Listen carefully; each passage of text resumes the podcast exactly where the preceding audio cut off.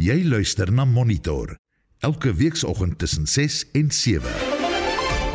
In vanoggend se program honderde leerdlinge is steeds nie in Gautengse en Wes-Kaapse skole geplaas nie. Melkbore gaan gebuk onder beerdkrag. Intussen word daar gevra dat 'n ramptoestand oor die kragkrisis in die landbousektor afgekondig word en die dodetal weens hitteuitputting in die Kakamas omgewing styg. Welkom by Monitor vanoggend onder redaksie van eh, Jean Estreisen. Daitron Godfrey is ons produksieregisseur en ek is Oudou Karelse.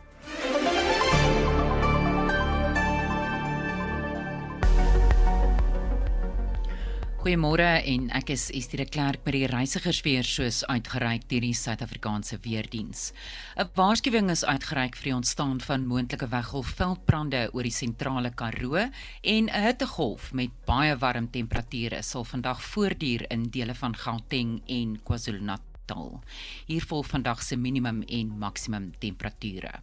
Pretoria 17:35, Johannesburg 15:34, Vereniging 16:32, Mbombela 18:31, Polokwane 16:30, Mahikeng 19:32, Vryburg 19:33, Bloemfontein 15:32, Kimberley 22:35, Appington 20:33, Kaapstad 17:20, George 16:25, Gqeberha 20:24, Oos-London 1926, Durban 2336, Richards Bay 2137 en Pietermaritzburg 1939. Vir meer inligting, besoek die Suid-Afrikaanse Weerdienste se webwerf by www.weathersa.co.za.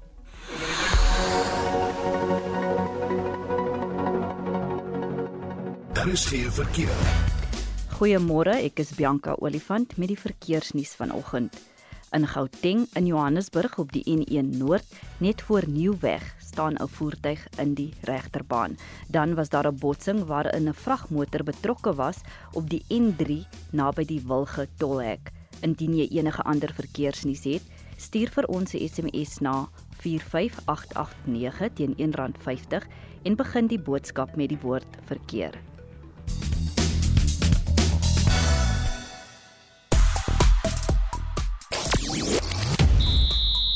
Die kwart eindronde by die Australiese Tennisope begin vandag met die Griek Stefanos Tsitsipas en Amerikaner Jessica Pegula later in aksie. Die Pretoria Capitals rekkel voorsprong in die SA20 toernooi na 'n bonuspunt oorwinning oor MI Cape Town en 'n moedwen wedstryd lê voor vir die Proteas by die onder 19 vroue T20 Wêreldbeker. Ek is Shaun Schuster vir RSG Sport. Die beerdkrag onderwerp is baie gewild op sosiale media. Beerdkrag is tot verdere kennisgewing bedags vanaf 5uur in die oggend tot 4uur in die middag op fase 3 en snags op fase 4 vanaf 4uur tot soggens 5uur. President Cyril Ramaphosa sê hy het die Eskom direksie versoek om die verhoging van 18,65% in kragtariewe vereers op te skort. Nou ons het die afgelope naweek gehoor van 8 mense in die Kakamas omgewing in die Noord-Kaap wat dood is weens hitteuitputting. Die hitte in die land is steeds nie gebreek nie en daar is temperature so hoog soos 50 grade Celsius wat in Grabies aangemeld is. Vertel ons hoe warm dit daar by jy by, by jou is en of die hitte jou op enige manier beïnvloed. Dalk veroorsaak dit dat kinders nie kan sport doen nie of dat mense in jou diens nie kan werk nie. Jy kan 'n stemnota stuur na 0765366961 of 'n uh, SMS na 45889 teen R1.50 per boodskap. Jy kan ook lekker saamgesels op die Monitor en Spectrum Facebookblad. Monitor. Jou oggendnuusprogram op RSG byna 13 minute oor 6. Die dodetal weens hitteuitputting in die Kakamas omgewing in die Noord-Kaap het tot 8 gestyg. Die provinsiale departement van landbou, omgewingsake en grondhervorming het gistermiddag bevestig dat nog 'n plaaswerker in die hospitaal oorlede is. Vroeger is sewe sterftes op 4 plase in die gebied aangemeld. Die minister van Indiensneming en Arbeid, Tulas Ngesi, sê die departement sal optree indien daar bevind word dat nalatigheid bygedra het tot die dood van die plaaswerkers. Regional Witboy het meer besonderhede. Die hittegolf in die Kakamas gebied duur voort. Plaaswerkers werk hard in die wingerde omdat dit oestyd is. Een direkteur by die Groenheuwel plaas, Drian Spangenberg, sê hulle doen hulle bes om te verseker die plaaswerkers se werkstoestande is hanteerbaar. Dink ons almal eh, kom goed oor die weg en ons albei partye kyk na maniere hoe ons hierdie situasies kan hanteer en verbeter. Huidiglik, ons weet dit is warm. So ons probeer van ons kant af as dit so warm is as mense dalk in jong stokkies werk waar hulle blootgestel word aan die hitte om hulle eerder te skuif na 'n area toe waar meer skade wie is en dan probeer ons ook maar om heeltyd vir almal water beskikbaar te hê en te sorg dat die mense genoeg water het. Die Noord-Kaapse LER van Landbou, Omgewingsake en Landelike Ontwikkeling in die Noord-Kaap, Mase Manopole, sê die gesprekke tussen die verskillende rolspelers was suksesvol, siende dat plaaswerkers in erge toestande gedurende die hittegolf werk. So I'm excited by the assurance that they've given to us that they will indeed they will adhere to the regulations that according to the Department of Labour has put in place and be able to do that. And also to consider the adjusting their operation hours taking into consideration the condition that we find ourselves the climate that is uh, affected and then the condition that has been affected by the workers. So those are the things that we are a bit comfortable after the engagement Die minister van Indiensneming en Arbeid, Thulas Ngesi, het met die boere vergader en gesê stappe sal geneem word sou hulle ondersoek vind daar was nalatigheid. What they have thus far is just the preliminaries. It's not yet for public consumption. We also now met with the, the management of this farm and we were trying to get some information which we said it's not going to be used for investigation because The investigation is going to be done by our professional inspectors. There are no shortcuts. It takes time and take uh, two, three months, or even six months, but we will leave that to the inspectors. But at the end, action will be taken if there was somebody who was negligent.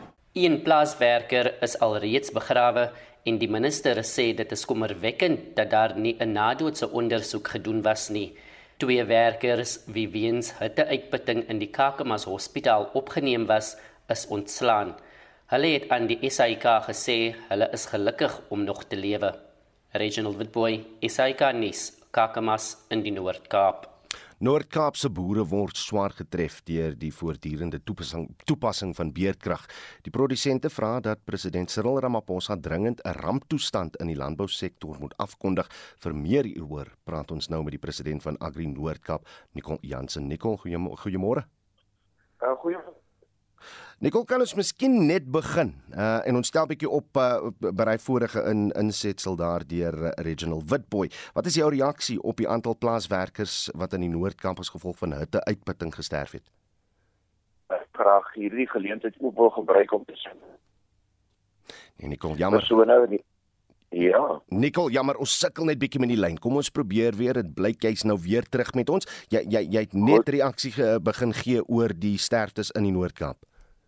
Ja, ek wil graag met die gesinne en die families van hierdie uh gesinne wat wat hierdie mense verloor het uh aan moontlike het het het 'n uitbetting simpatiseer. Dit is ongelooflik tragies, ongelooflik jammer en uh dit is 'n verlies uh, vir die landbougemeenskap. Um dit is verseker 'n um, 'n groot uitdaging hierdie erge hittegolwe wat wat in die Noord-Kaap ervaar word en die voorspelling is dat volgende week weer 'n volgende hittegolf kan wees.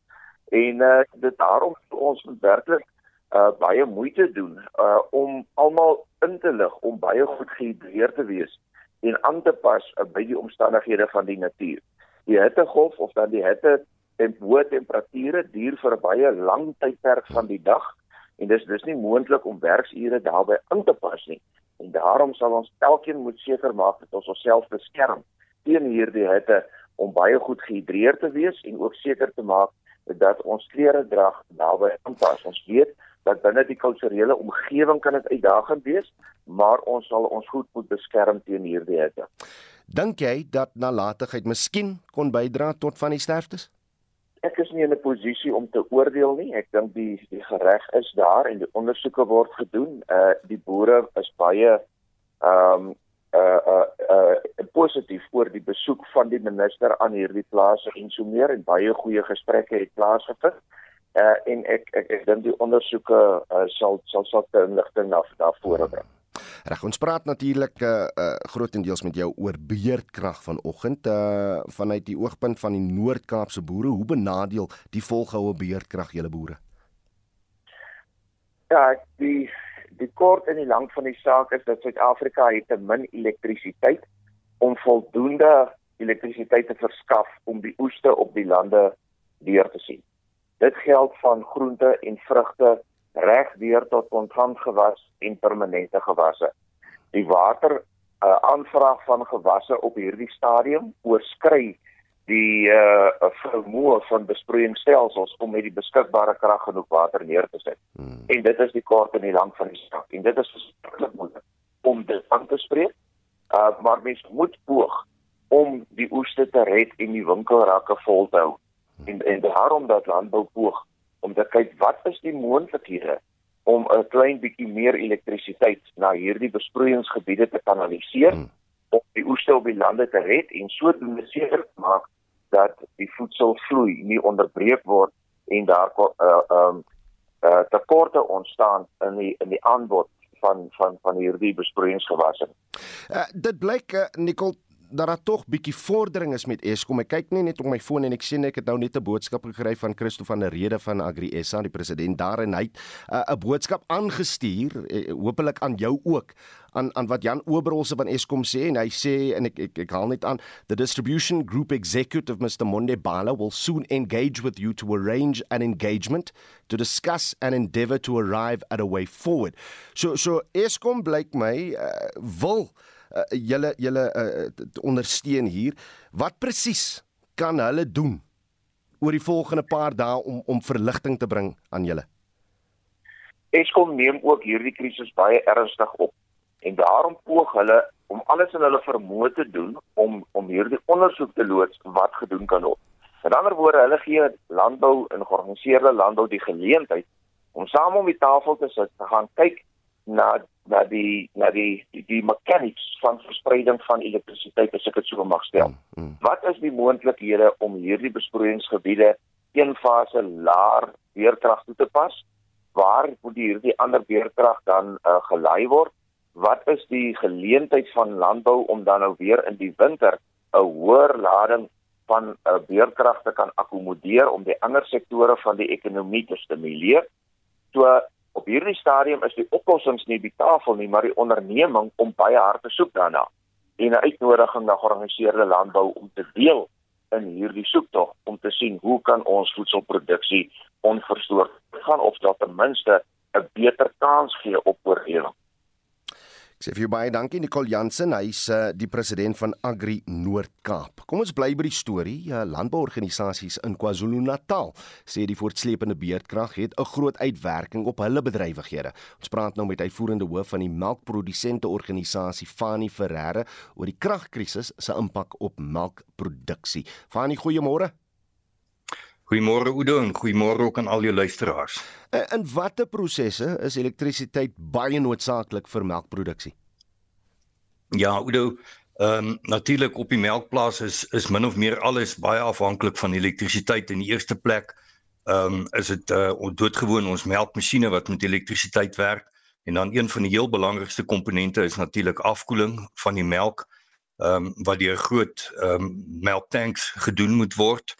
En dan tesame met dit, een van die heel belangrikste aspekte is natuurlik besproeiing as gevolg van die feit dat 'n groot hoeveelheid van ons produsente reg oor die land gebruik maak van van besproeiing om hulle weidings nat te hou om sodoende te kan kos voorsien aan hulle diere vir oordentlike produksie. En sien ons dan nou ook in die laaste weke met uh die geweldige hittegolf wat ons beleef laat dit ongelooflike druk op op produksie sit in terme daarvan dat daar net nie genoeg ure per dag uh voldoende uh, kragvoorsiening is om spulpunte en besproeiingsstelsels te laat loop om hierdie weidings nat te hou nie en uh dat dit baie oneffektief is natuurlik om in die dag te uh, te besproei veral met met hierdie vreeslike hitte. So dis dis eintlik een van die belangrikste aspekte op die stadium. Hoeveel liters melk het nou al verlore gegaan weens die beerdkrag en en ook nou hierdie hittegolf? Hoe ek dink ons is eintlik geweldig gelukkig dat daar op die stadium nog nie baie ehm uh, melk moes weggegooi word nie. Ons weet nou van die geval in die laaste paar dae in Mooirivier en uh, dit was nou meer as gevolg van wisselvallige kragspanning. Jy weet, uh meeste van ons uh, huidige melktoerusting is baie gevoelig vir hierdie goed. Baie van hulle is uh is is hoog gesofistikeerde elektroniese toerusting wat geweldig gevoelig is vir enige wisselvallige spanning. En uh, dit het natuurlik toe nou die die oorsaak gewees dat daar elektriese toerusting uh, uitgebrand het as gevolg daarvan en dat daai boere net nie betyds hulle melk kon kon afkoel nie. Maar ja, uh, terug te kom na jou vraag toe, op die stadium dink ek is ons regtig gelukkig dat daar nog nie baie uh melk moes weggegooi word nie. Ek dink meeste van ons van ons produsente is toegerus met uh met kragopwekkers en miskien ook al uh natuurlik uh alternatiewe kragbronne soos soos wind en son om vir hulle te help in hierdie moeilike tyd. Het julle al 'n idee van die omvang van die tipe verliese wat wat reeds gelei is? Man, dit is baie moeilik. Ek uh jy weet ek hoor daagliks dat uh kommuniteitsorganisasies gepeper word met hierdie vrae. Hmm. Dit is regtig baie moeilik om presies um 'n syfer aan dit te kan sit en om te kan sê, jy weet dit is dit is soveel want dit is eintlik 'n baie komplekse ding want dit dit gaan nie net oor oor melk wat weggegooi word nie, dis verlies in produksie. Ehm um, en jy, weet dit is uh, af in die waardeketting verder tot tot by ons verbruiker is daar 'n gevolg, jy weet. So dis dis regtig moeilik om op die stadium 'n syfer aan dit te sit. Ek, ek hoop van nie ons het nog hierdie punt bereik waar daar 'n impak gaan wees op die prys van melk nie. Hoe ongelukkig ehm um, moet ek sê dat ek dink dit is totaal onvermydelik. Ehm um, jy weet ek het onlangs met een van ons produsente gepraat wat ook 'n verwerker is en op op 'n fase 6 van ons beerkrag gebruik hulle ongeveer R60000 se addisionele brandstof per dag en daai koste moet iewerster ehm um, geabsorbeer word. Jy weet en doeteenvoudig kan dit nie op die plaas verder geabsorbeer word nie. Ons is reeds prysnemers in alle gevalle. So dit gaan moet afgewentel word uh, verder in die waardeketting en dit sal natuurlik op die ou ende by die verbruiker eindig. Maar ons hoop dat al ons rolspelers in die in die waardeketting ook verantwoordelik sal optree hiermee en laat ons seker maak dat die impak daarvan so so min as moontlik op die verbruiker sal wees. Fanny Ferreira, dankie vir u tyd op monitor. Is uitvoerende hoof van die melkprodusente organisasie. Ouers in die Wes-Kaap sê hulle is gefrustreerd omdat hulle steeds sukkel om hul kinders in openbare skole geplaas te kry. Volgens die Wes-Kaapse Departement van Onderwys is daar meer as 600 leerders nog op die wag waglys. Die departement sê hulle het sowat 50 000 meer aansoeke vir graad 1 en 8 ontvang as die vorige jaar. Anri Jansen van Vieren doen verslag. In vorige jare het die Wes-Kaap dikwels aan die begin van die jaar met duisende ongeplaaste leerders geworstel. En al het die departement die agterstand getakel, is daar steeds baie ouers wat sukkel om plekke vir hul kinders te vind. En dit boonop 'n week nadat skole amptelik heropen het. Ouers waarmee SAK nuus gepraat het, skryf dit toe aan verskeie redes. The administrators, they gave us the forms to complete with the parents' details and the child's details and also the subject, the choices of subject that the child could do for grade 10. I am a bit frustrated, but also we also have the blame for not applying earlier. I didn't apply I myself, but it works before because I did apply online two years ago and then that thing is working. Volgens die kokesleier van die ANC in die Wes-Kaapse wetgewer, Cameron Dugmore, is daar sistemiese probleme in die onderwys wat tot die agterstand gelei het. 'n Kind van Mitchells Plain, van Khayelitsha, van George, daar moet 'n plek wees in die skool vir elke kind. En al sê die WKOD op die oomblik dat daar is so 600 kinders wat nie in die skool is. Ons dink die syfer is hoër en ons gaan volgende week 'n perskonferensie hou waar ons gaan sê presies hoeveel kinders in terme van ons inligting is nog nie in die skool nie. Maar die Wes-Kaapse Departement van Onderwys betwis hierdie stellings van die ANC. In 'n skrywe aan die SAIK sê hulle dat slegs 2 voormalige model C skole deel vorm van die 10 skole waar die meeste aanvraag vir plasing is. Verder beklemtoon die departement dat hulle 'n 830 miljoen rand stygings in die infrastruktuurbegroting sal gebruik om 842 addisionele klaskamers te bou. Dit sal hulle help om 26000 meer leerdlinge in 2023 te akkommodeer. Die verslag van Mlamli Maneli en ek is Anne Marie Jansen van Vuren vir SAK nuus. Kom ons bly by die onderwerp. Intussen in Gauteng het duisende ouers glo beswaar gemaak oor die plasing van hulle kinders in openbare skole. Vir meer hieroor praat ons nou met Jat Jink, uitvoerende hoof van die Federasie vir Skole Beheerliggame, oftewel FETSAS. Dis nou Rian van den Berg. Rian, goeiemôre. Môre Oudo. Hoeveel leerders in Gauteng moet nog in openbare skole geplaas word? Ja, dit is ook so 'n bietjie van 'n uh onakkurate teken ons gaan op die data wat die departement vir ons gee en ons het nie self dit geverifieer nie. So as jy na hulle luister, is dit uh, nagenoeg so 2000 leerders wat nog uh moet geplaas word. Um wat nie sleg klink nie, maar vir daardie leerders is dit nou al week 3 van die skool wat begin. Um en hulle het nog nie plek nie, maar die ja, die inligting wat ons van die grond af kry is dat daar nog baie ouers tou staan by distrikkantore en hulle kinders is nie geplaas nie. So ons is nie heeltemal seker waarvan ons weet ons ons weet nie wat ons nie weet nie en en ek dink dit is die uh die onsekerheid in die hartseer vir die sektor. Van die ouers wat nou beswaar gemaak het, soos jy sê wat nou tou staan by die departement, wat is die besware wat hulle na die departement toegeneem het? Ja, ek dink die groot kwessies uh, veral in Gauteng en die Weskaap waar daar druk is wat wat bevolkingsdigtheid betref is, uh die skool naaste aan jou waar jy aansoek gedoen het is vol en die volgende keuse skole raak al hoe verder. Daar's ouers wat ehm um, plek gekry het in skole wat nagenoeg 30 km van hulle af weg is. Jy weet dit is dis in 'n ander dorp. Dis nie naby dat jy ehm um, elke dag dit vinnig kan ry nie en die verkeer en ja, skoolvervoer hanteer nie dit alles nie. So die die, die groot kwessie is maar nie die keuse van die skool gekry waar hulle aansoek gedoen het nie en dit is te ver, dit is te vol. Die sistemiese probleem is is waarna ons moet kyk. Dis nie die aanlyn stelsel nie. Uh dit is 'n groot kwessie in Gauteng ding veral daar's nie genoeg skole waar die mense bly nie. Bevolkingsdigtheid het gegroei behalwe uh, so, sonder dat die skole meer geword het. Uh, Rian herhaal net weer, wat bepaal die regulasies oor die afstand wat 'n leerling van 'n skool woon as ook skoolvervoer in die verband?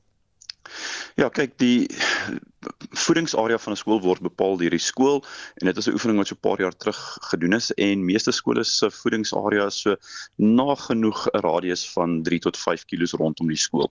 Daar's nie 'n beletsel dat jy van verder af mag aansoek doen nie. Uh die regulasie bepaal dat iemand binne 'n sirkel van 30 km ook kan aansoek doen om by daardie skool ingeskryf te word of selfs verder as dit, maar dit raak prakties onmoontlik en dan raak skoolvervoer 'n uh, groot kwessie en ons het 'n paar jaar terug gesien dat ehm um, ja, daar's padongelukke met skoolbusse en skoolbussies en en dit is nie goed nie. En ek meen as jy 6 uur in die oggend moet opstaan om 7 uur ehm um, weet of vir 'n uur uur en 'n half skoolvervoer te gebruik om by skool aan te kom, dan het jy nog nie geëet nie, dan jy honger, dan is jy hmm. moeg en dan begin jy met wiskunde eerste periode. So dis nie 'n goeie situasie vir die leerders nie. Ek, ek, ek hoor ons hoor nou, uh, een van die oplossings is die bou van satellietskole. Wat is 'n satellietskool? En as jy 'n satellietskool gaan bou, hoekom brei jy nie net uit by die skole wat probleme het nie? Ja, ek dink die groot kwessie van waar ons staan is ons wil nou nie meer tydelike oplossings sien nie. So 'n kwessie is 'n satellietkampus, maar daar's nog steeds nie genoeg infrastruktuur vir uh die aantal leerders in die provinsie in Gauteng en die drukpunt begin in ander provinsies soos die Wes-Kaap ook wys. 'n Satellietkampus is dalk een met een infrastruktuur of een struktuur van bestuur en leiers met 'n uh, 'n spasie 'n paar kilometer weg waar daar nog klaskamers is en dieselfde hoof en bestuurstruktuur hanteer daardie kampus. Uh ander oplossing waarna gekyk word is die van tydelike klaskamers of mobiele klaskamers wat by 'n skool se kampus neergesit word en van die speelarea word verloor Uh en dit maak dat met dieselfde kampus meer en meer kinders kry en die beweegspasie, die veiligheid, die druk van die verkeer soontoe net al hoe uh, moeiliker raak.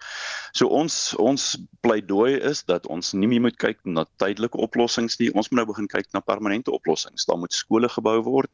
Daar moet um, spasie uitgesit word met dorpsontwikkeling, stadsontwikkeling en beplanning dat as daar 'n nuwe woonbuurt ontwikkel word dat daar grond uitgesit word vir skole. Die departement moet nou vir ons begin planne gee wat hulle infrastruktuur uh roetekaarte sodat daar seker gemaak word dat daar skole is waar die ontwikkeling plaasvind. Ons het nie genoeg skole nie. En dit was Rian van den Berg, die adjunk uitvoerende hoof van FETSAS. Jy luister na Monitor elke weekoggend tussen 6 en 7. 6:33 en in die jongste nuus. Die polisie in die Oos-Kaap vra die publiek se hulp nadat 3 mense tussen Dutwa en Willowdale doodgeskiet is en minstens 7 mense is in die Amerikaanse deelstaat Kalifornië dood nadat 'n man op twee verskillende plekke op mense losgebrand het. Bly ingeskakel hier op RSG. Daar is geen verkeer. In Gauteng in Johannesburg op die R21 Suid net na Olifantsfontein weg staan 'n voertuig in die linkerbaan en dit is versper. In Kaapstad op die N1 stad uit net na Sonstraalweg staan 'n vragmotor in die linkerbaan. Dan op die N2 stad uit net na Botchet's Quarry weg staan 'n voertuig en slegs die regterbaan is bruikbaar. Indien jy enige ander verkeersnuus het, stuur vir ons 'n SMS na 45889 teen R1.50 en begin die boodskap met die woord verkeer. Ons het die afgelope naweek gehoor van 8 mense in die Kakamas omgewing in die Noord-Kaap wat dood is weens hitte uitputting. Die hitte in die land, hy steeds nie gebreek nie. Na temperature so hoog as 50 grade Celsius wat nog grabies aangemeld is. Vanoggend van ons weet Hoe warm is dit daar waar jy is en of die hitte jou op enige manier beïnvloed dan veroorsaak dit dat kinders by die skool nie kan sport doen nie of dat mense in jou diens glad nie kan werk nie. Op Facebook sê Sanet Dupree Viljoen, wat 'n wrede manier om te sterf. Ek hoop daar word dringend ondersoek ingestel. Want ons het gehoor by die minister dat hulle wel ondersoek instel, uh, Sanet. Estel Gerber sê ek is soos die ou mense, sodra die son nader kruip aan my venster, maak ek blinds en gordyne toe of dit 25 of 32 grade is, maak ek uh, tot my sitkamer en voordeur uh wyd en suid toe sê daardie luisteraars. Uh, dis baie warm elke dag hier in Vredesvallei Kakamas omgewing. Dis die afgelope dae so warm, die uitsending van RSG is weggebrand. Net 'n gesuis op die radio, so warm is dit hier, sê Gert Titlis. En as jy kyk uh, na van die temperature wat aangemeld word, uh, Elna Edwards in Edenvale sê 28 grade, laat ek net so deur van die boodskappe kyk om te sien of daar wel temperature gegee word. Ja, 38 tot 41 grade elke dag hier in Beaufort Wes. Maar hoe maak dit impak op julle lewe? Laat ons weet stuur 'n stemnota na 0765366961. Jy kan ook 'n SMS stuur na 4588910 R1.50 per boodskap. En soos hierdie luisteraars gemaak het, eh, stuur jou uh, boodskappe deur op uh, Monitor en Spectrum se Facebook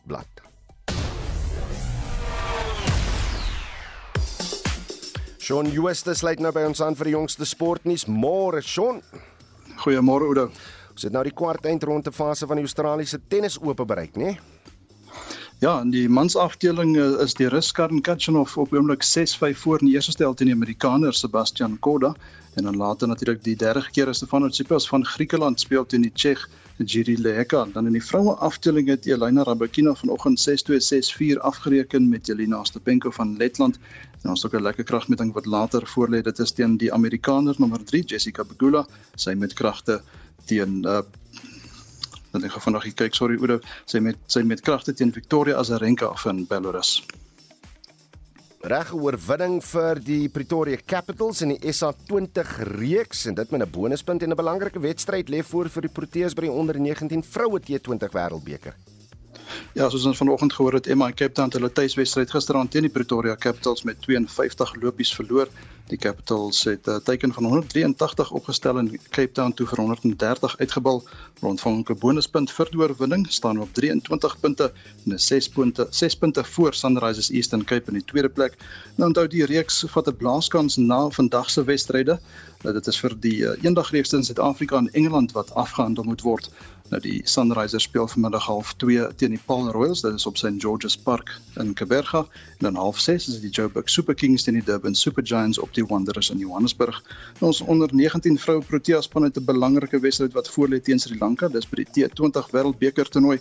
Hulle kort 'n groot oorwinning om die netto loopie tempo so bietjie op te jaag. Hulle is derde op 4 punte in groep 1 van die Super 6 fase met Indië en Australië eerste en tweede op 6 punte.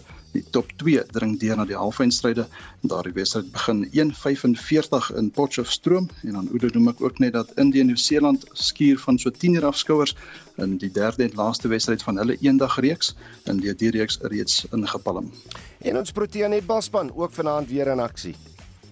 Ja, as die laaste wedstryde van die vierhoekige reeks in Kaapstad.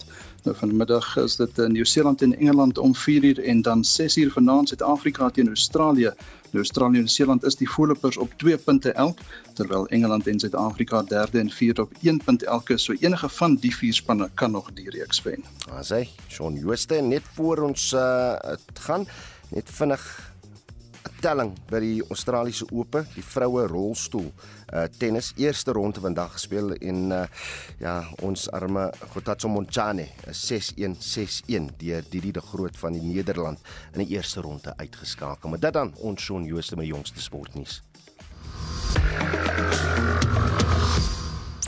Monitor jou oggendnuusprogram op RSG. Die Russiese minister van buitelandse sake, Sergey Lavrov, het gister met 'n ewe knie in Suid-Afrika, minister Naledi Pandor, vergader. Dit kom kort voor die besoek van die Amerikaanse minister van finansies, Janet Yellen, aan Suid-Afrika. Yellen het reeds Senegal besoek en is tans in Zambië.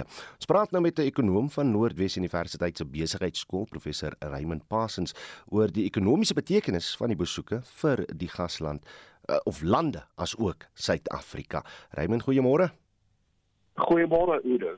Suid-Afrika en meer spesifiek die ANC blyk sterker historiese en geopolitiese bande met Rusland te hê as ekonomiese betrekkinge. Wat kan die ekonomiese betekenis van die besoek, die jongste besoek vir Suid-Afrika en ook Rusland inhou? Ja, kyk, ons uitgangspunt moet wees dat daar groot skuwings nou plaasvind in die geopolitiese wêreld van vandag, veral as gevolg van die die eintlike Rusland-Oekraïne konflik. En ons sien nou dat die belangrike moondhede soos die VSA, China en ook Rusland soek almal politieke en en ekonomiese vriende veral in Afrika en Suid-Afrika. So alhoewel is dit dat die ANC regering sterk historiese en geopolitiese bande het met Rusland, moet Suid-Afrika altyd 'n balans hou om sy belange te beskerm in 'n in 'n veranderde wêreld. Hmm. En en uit 'n ekonomiese oogpunt, vir my is daar twee interaktiewe faktore vir Suid-Afrika wat op die spel is op die oomblik. Eerstens dat die terme van die handels- en die beleggingsverhoudinge uh vir Suid-Afrika en ook Rusland uh is eintlik nie op 'n baie hoë vlak op die oomblik nie. Ons handel met met Rusland is maar 0.4% van ons invoere en Suid-Afrikaanse maatskappye belê veel meer in Rusland as wat Rusland in Suid-Afrika belê. So dit is ook 'n besprekingspunt. Maar tweedens, en ek dink dit is veel meer belangrik, is die feit dat hierdie jaar is Suid-Afrika die sameroepe van van die BRICS-lande. Dit is van strategiese belang vir albei Rusland en Suid-Afrika en dit sal bespreek word.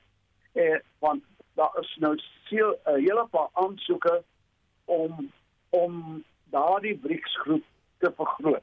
So daar is belangrike vraagstukke wat daar moet bespreek word tussen tussen Rusland en natuurlik Suid-Afrika. kom ons kyk nou weer direk na ons ekonomiese betrekkinge. Ons moet nou natuurlik na die Amerikaners kyk hier want hulle het Vrydag in Senegal aangekondig dat die FSA beplan om vennootskappe met Afrika in bewaring, klimaatsaanpassing, uh, toegang tot skoon energie aan te gaan. Uh, sy het ook verwys na president Joe Biden se plan om meer as 'n miljard rand te gee om klimaatsveerkragtigheid in Afrika te bevorder. Ja, jou reaksie van van Suid-Afrika kan seker baie direk hier uitbaat of hoe? Ja, maar ek ek wil net beklemtoon dat dit gaan veel verder as as die klimaataanpassings waar oor sy gesels het. As ons kyk na Janet Yellen se besoek vandag, sy gaan met haar haar ewige ons finansies minister meneer Enoch Gonogwana ontmoet. Ons weet natuurlik dat in die agtergrond is die FSA is Suid-Afrika se derde grootste handelsvernoot en is ook die grootste bron van van van buitelandse direkte belegging in Suid-Afrika. So vir die FSA in Suid-Afrika sal daar sterk fondasie en samewerking wees waarop hulle moet bou. Maar ek sou sê uit Suid-Afrika se oogpunt sou ek twee vrae aan aan mevrou Jelen wil stel. Hm. En die eerste een is wat gaan gebeur met die African Growth and and Opportunity Act AGOA wat oor 2 jaar verval. Huidig is dit 'n waardevolle instrument wat Afrika en en ook Suid-Afrika eintlik eintlik belastingvry toegang gee na die FSA markte vir 'n reeks van vir 'n reeks van produkte. Wat is die uitsig daar? Ek dink dit moet bespreek word. En tweedens, onlangs die FSL stappe wat geneem is om hulle beskermde handel te bevorder, moet ons vir Janet Yellen vra, is die FSA nog verbind tot 'n multilaterale handel uh vir die wêreld en vir die instellings soos die Wêreldhandelsorganisasie want want vir 'n klein ekonomie soos Suid-Afrika is die Wêreldhandelsorganisasie baie nodig om regverdige handelsreëls te pas en dit toe te pas. So ek dink dit is ook 'n baie belangrike vraag wat ons aan haar moet stel. En dit was professor Raymond Parsons, ekonom van Noordwes Universiteit se besigheidskool.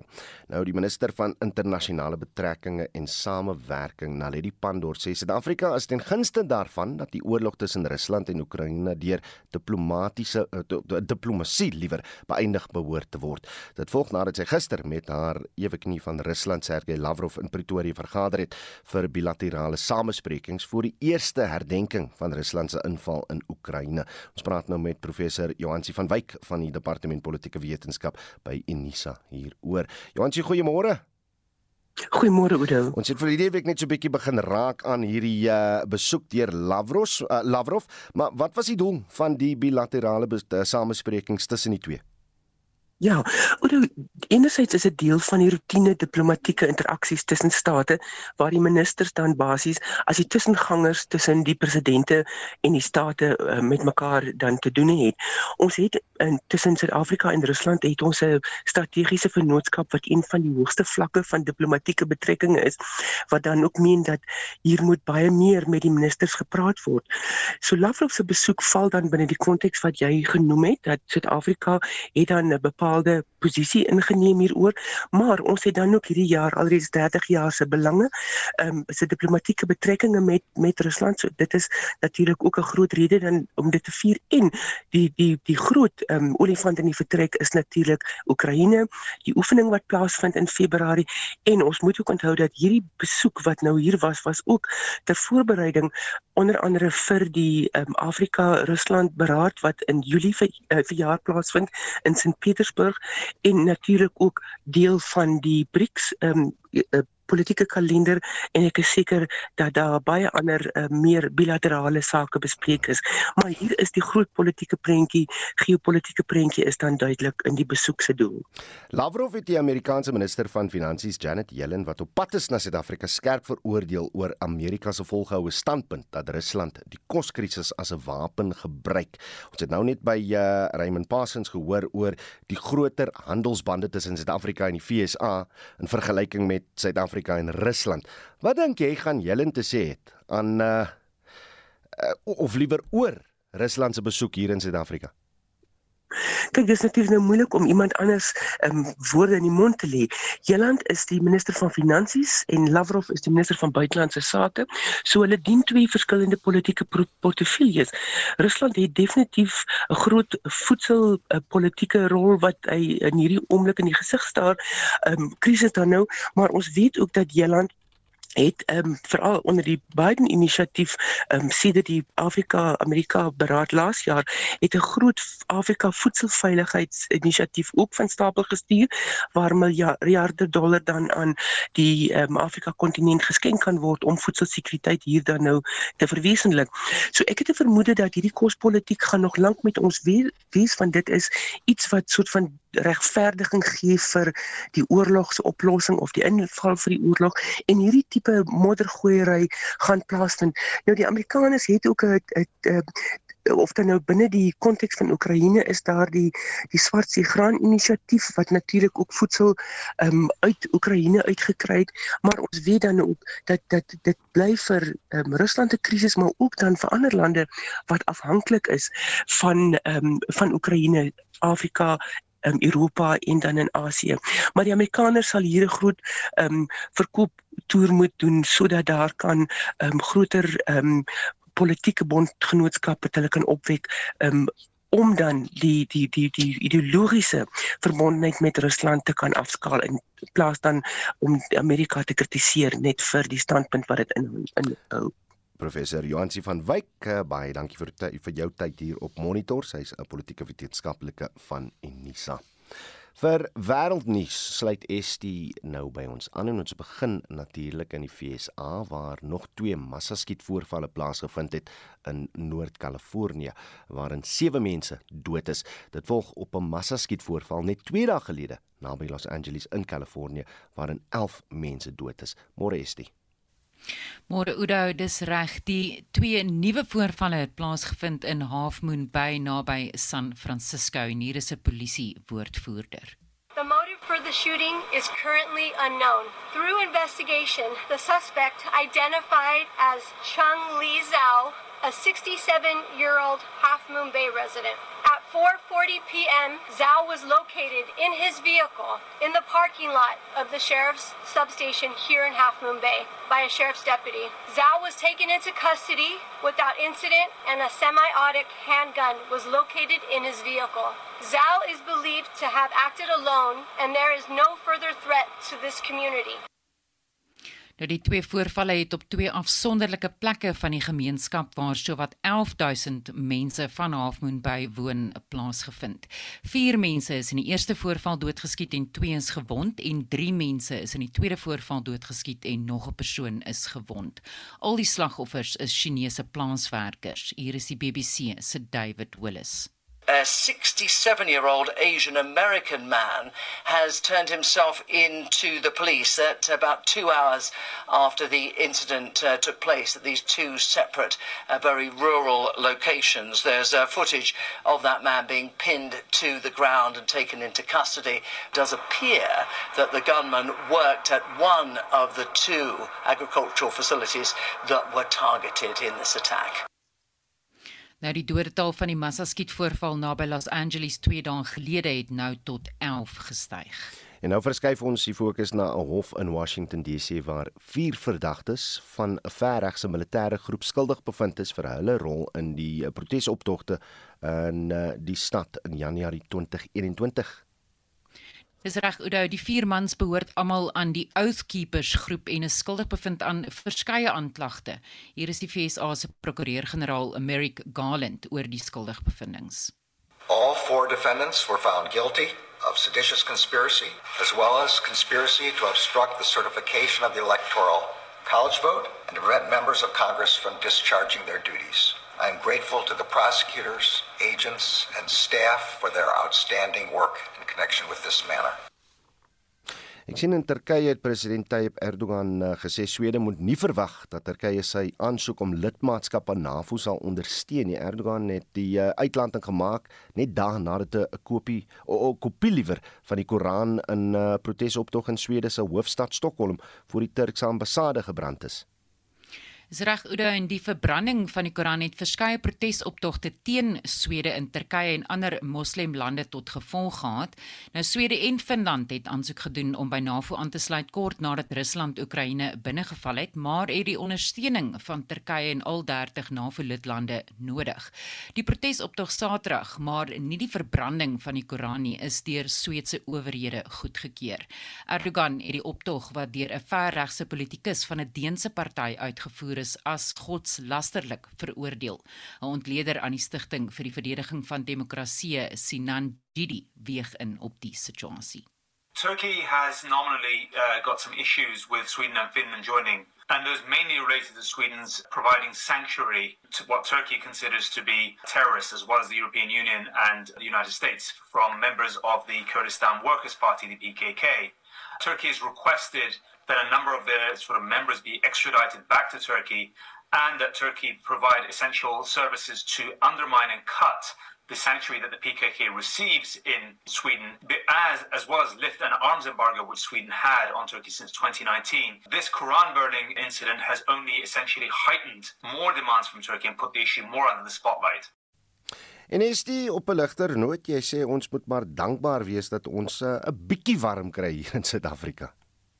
Ja, ou nie dat dit ligtelik opgeneem moet word nie, maar in die mees noordelike stad in China, Mou, wat naby die Russiese grens gelees is, 'n temperatuur van -53 grade Celsius gemeet. Nou Mou staan bekend as China se noordpool en sedert Vrydag was die temperatuur voortdurend onder -50 grade Celsius, wat as ongehoord beskryf word omdat die gemiddelde temperatuur die tyd van die jaar sowat -15 grade Celsius is. So dit is bibberend koud daar. Dit was ons estimate met 'n opsomming van vandag se wêreldnuus. Ons keer terug na Suid-Afrika en die nasionale energiereguleerder van Suid-Afrika, NERSA, sê die behoorlike kanale moet gevolg word om die goedgekeurde tarieverhoging van vir Eskom liewer te hersien. Enige uitdaging van die aanvaarde 18,6% verhoging in kragtariewe moet met 'n geregtelike hersiening ingevolge die wet op die bevordering van administratiewe geregtigheid in die hof gebring word, so sê Mitsi van der Merwe. President Cyril Ramaphosa het versoek dat Eskom die implementering van die verhoging tydelik stop. Beerdkrag is sedert September verlede jaar tot vlak 6 gereeld toegepas. President Ramaphosa. I have personally said to Eskom, Eskom it will be an injury to our people if we implement this 18% now when we are going through load shedding. Put it in suspense for a while. Die bestuurshoof van Eskom, Andreu de Ruyter, sê die plan is dat oor die volgende 2 jaar fase 2 en 3 kragonderbrekings permanent toegepas sal word. Dit sluit nie hoër fases van beerdkrag uit nie.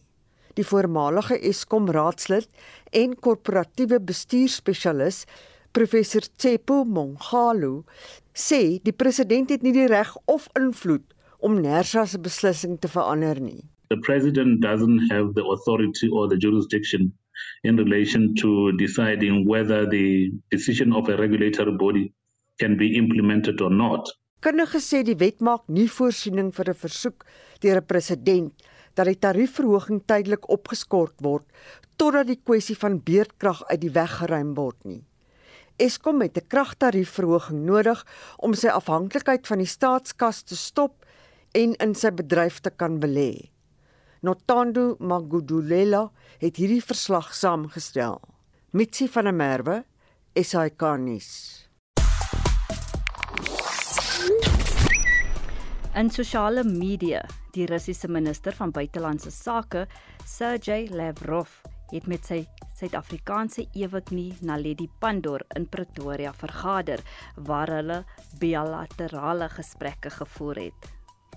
Reg en uh julle terugvoer dis waarmee ons vanoggend eindig wil ons weet hoe warm is dit daar waar jy is en en net hoe die hitte jou lewe beïnvloed dis wat van julle te sê het op die WhatsApp stemnotas Ek is nou op pad Kakamas toe vir 'n uh, so vragmotor bestuurder vir 'n uh, sekere maatskappy uh so 'n bietjie donne weer op my trok se ding is hy sê nou 19 grade Maar ek dink dit sal aan wie vandag so warm is, hè. Dan is bewolk gestaan soos ek uh, het gesê dit is so 'n bietjie donker weer. Dit het geslaan. Ja, ek is nou so met 20 km voor Kakamas. Julle praat oor die hitte. Appington het vir 2 weke 39 en 42 gehad met load shedding van baie keer 4 en 'n half ure loop ons kaste af. Alles, jy jy dood van die hitte. Jy maak ook alles toe. Vroegmôre maak jy alles toe, maar om in 'n huis te sit heeldag van 42 grade en jy wil dood van hitte, nee, dis vreeslik. Wel, jou trok se dinge se behoort so teen donderdag effens laer temperature aan te dui. Baie dankie vir die boodskappe. Stuur nog van julle SMS'e deur na 4588191 R50 per boodskap en julle stemnotas stuur dit na 0765366961 natuurlik op WhatsApp of jy kan ook saamgesels op die Monitor en Spectrum Facebook bladsy. Onthou vorige uitsendings van al ons nuusaktualiteitsprogramme as 'n potgooi beskikbaar op RSG se webtuiste. Gaan net na www.rsg.co.za en jy sal dit daar vind. Skakel gerus in op uh, Spectrum tussen 12 en 1 vanmiddag met Susan Paxton vir nog nuusaktualiteit is ook brandpunt omstreeks kwart voor 6 uh, vanmiddag met die hele span hier by RSG nuus en aktualiteit. Ons groet namens ons uitvoerende regisseur Nicoline de Wee, die redakteur vanoggend. Uh, welkom terug, Jane Streisen. Ons produksieregisseur is Daitron Godfrey en ek is Oudo Karelse. Geniet die dag in die geselskap van RSG.